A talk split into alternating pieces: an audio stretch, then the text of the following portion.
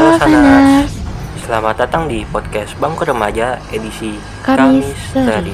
Mulai malam ini, kami akan menemani malam Jumat kalian dengan cerita yang tidak biasa. Oke, karena ini versi yang bertema horor, kita akan coba angkat dari pengalaman pribadi. Nah, partner saya ini akan bercerita untuk pendengar setia podcast Bangku Remaja. Oke, Sanas, tanpa berlama-lama lagi, saya Habil. Dan saya Fani, kami, akan membawa kalian pada sisi lain kehidupan.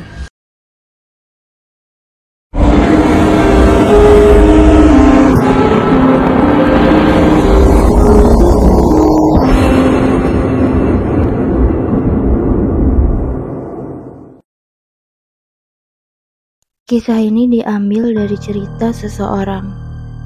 Diawali dengan jam pelajaran di kelas baru. Karena memang kalau anak SMK awal tuh kelasnya pindah-pindah terus. Nah, kelas ini baru pertama kali kita tempatin. Posisinya ada di lantai 2 gedung baru. Kalau gedung sekolah kan biasanya letter U ya. Nah, kelasku ini berhadapan sama kelas seberang yang masih satu gedung. Kita lagi ngerjain tugas kayak biasa. Waktu itu keadaan lagi hujan. Nah, lama-lama aku hilang fokus karena memang dari awal masuk udah nggak enak aja suasananya.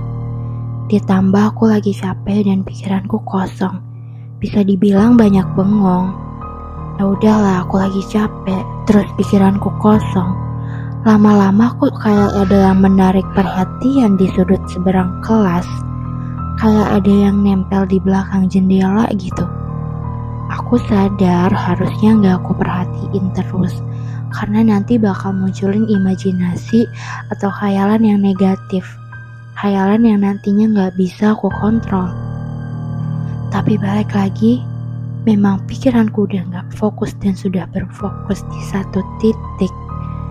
Alhasil, udah mulai di bawah alam sadar lah istilahnya. Yang dirasain tuh kayak kamu lagi diliatin intens sama seseorang dari jarak jauh.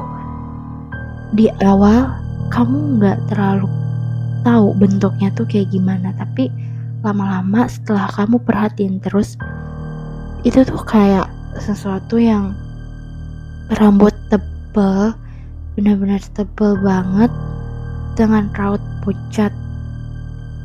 Tepatnya ada di belakang jendela. Aku sadar harusnya nggak usah diperhatiin atau dipikirin, tapi auranya tuh kuat banget. Kayak kamu lagi penasaran aja sama sesuatu yang dari tadi merhatiin kamu gitu. Di sisi lain, teman-temanku mulai sadar dan panggil-panggil aku. Katanya aku sama sekali nggak kedip. Aku udah mulai kedistraksi sama mereka karena mereka udah coba tepok-tepok aku, manggil-manggil aku gitu dan ngalihin penglihatan aku. Tapi aku udah terlanjur penasaran dan gak tenang. Semakin teman-teman aku ganggu aku, semakin aku kuat dan penasaranku semakin besar. Di situ aku spontan berdiri dan langsung mau keluar pintu. Tapi sama mereka ditahan. Aku dipegangin kenceng banget dan disuruh duduk lagi mataku dialihin biar nggak berfokus di satu titik itu. Aku ngerasa dia yang ada di seberang kelas tuh lagi nungguin dan merhatiin aku. Dia manggil aku, tapi bukan dengan panggilan suara. Tapi aura dia yang ngebuat aku ngerasa kepanggil. Khayalan aku yang semakin negatif atau yang semakin ada-ada aja. Itu ngedukung aku untuk benar-benar lari nyamperin dia. Kedua kalinya aku berdiri dari kursi aku, aku hempas tangan teman-temanku, aku keluar pintu. Di sana mereka nahan, cuman tenaga mereka kalah katanya. Sampai akhirnya aku keluar kelas, posisi kelas aku itu ada di lantai 2 dan yang aku lihat itu ada di lantai 4 kelas paling atas. Aku lari naik tangga menuju atas. Sesampainya aku di atas, aku samar-samar ngerasa kayak ini bukan di sekolah ya. Aku kayak ngerasa ada di hamparan yang luas banget, yang gak ada apa-apa, yang cuman ada aku dan sosok yang ngeliatin aku itu balik lagi itu masih samar-samar aku ngerasa ini aku ada di mana aku ada di sekolah atau aku ada di hamparan yang bener-bener luas gelap redup. Aku lari nyamperin dia dan saat aku lari itu seolah-olah aku lari di tempat.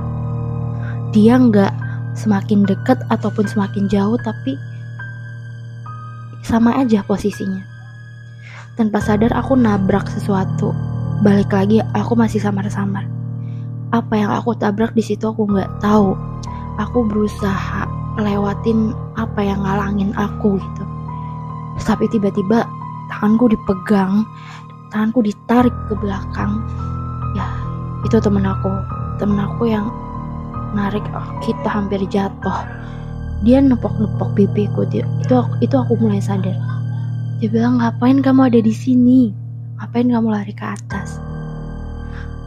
Karena tarikan dia aku udah mulai penglihatanku udah mulai normal lah yang tadinya samar-samar aku udah mulai sadar oh ini aku di sekolah jujur.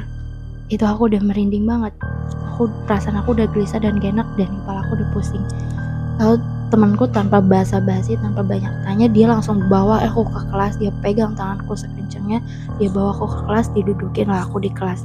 Sampailah aku di kelas yang tadi aku lihat itu ada lagi. Dengan posisi yang tadinya aku ngelihat dia tuh aku mau nyamperin dia, aku penasaran dan aku berani untuk ngehampirin tapi sekarang enggak. Aku yang bener-bener takut. Aku yang lihat dia tadinya jaraknya jauh banget ada di belakang jendela tapi sekarang berubah.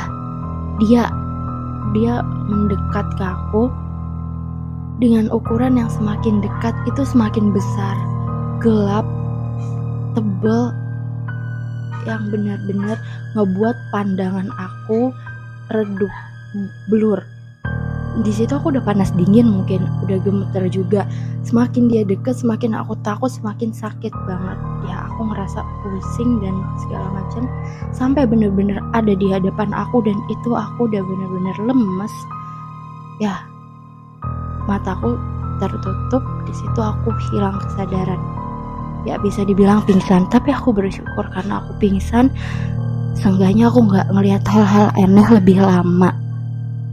Sampai akhirnya aku sadar di situ udah ada temanku dan beberapa guru.